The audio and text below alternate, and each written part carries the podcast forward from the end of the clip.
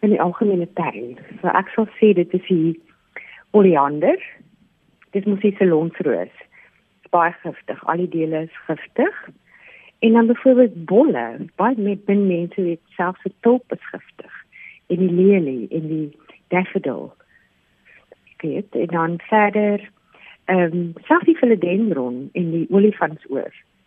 Is is dis nie giftig nie, maar dit het klein kristalletjies in hulle ehm um, kalsiumoksalaat kristalletjies en dit sny jou. So dan kry jy so 'n uitslag en is baie seer en dis daar's erge inflammasie. So ehm um, ja, dit is baie soorte plante.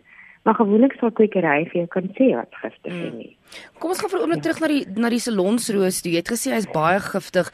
Wat sal byvoorbeeld gebeur as jy van dit in jou stelsel kry? Okay, die salonsroos, al die dele is giftig.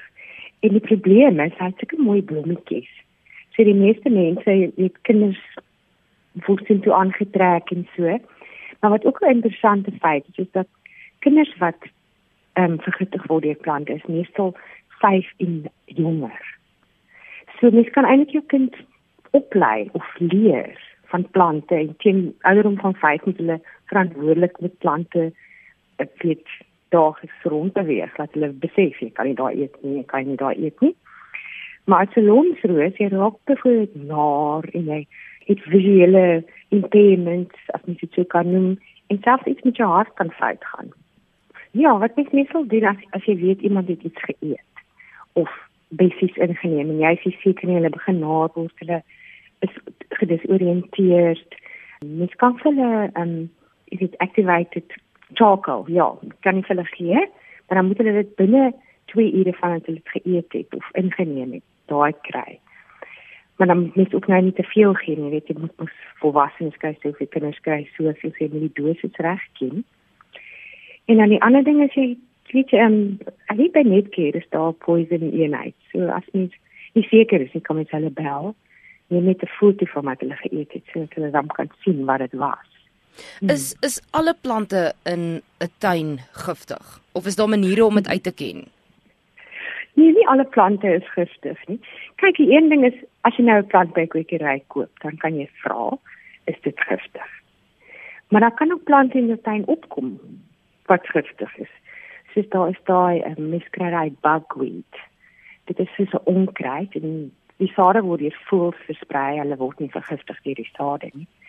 So dit kom op in jou tuin, jy weet nie daarvan nie en en dis 'n baie giftige ding en kan jy verskriklik irriteer as jy hom vat en die sade is giftig, alles in groen is. So dit is goed dat kan van self opkom wat giftig is. Ja. So raad wat jy vir mense kan gee wat wat plante gaan koop en nou wil weet of die mm. plant nou giftig is of nie, watse watse um roetes moet hulle volg? OK, goed, die kwekery sal hulle kan inlig. Verder, ag die internet is dan maar darling. So jy kan gaan gaan soek die plant op as jy die naam ken, vra vir iemand wat die naam ken en dan gaan kyk jy. Want baie mense plant op die oomblik soeke dis alles in mos botanies en dis delicious monster en hy val in dieselfde groep as die olifantsoor. As 'n kind daai maar hulle sal nie genoeg uitkry nie want dit gaan net so irriteer dat hulle dat hulle soms nie so kan op asemhaal so nie, maar daai plante val ook in 'n groep die meeste plante is maar um, kyk ons medisyne kom van plante. Hmm. Jy weet. So daar's altyd iets in elke plant. So op 'n einde van die dag is kennis is mag. Jy moet jouself oplei. Jy kan nie net iets in jou veral nie wanneer daar kinders in in 'n in 'n in 'n tuin is nie.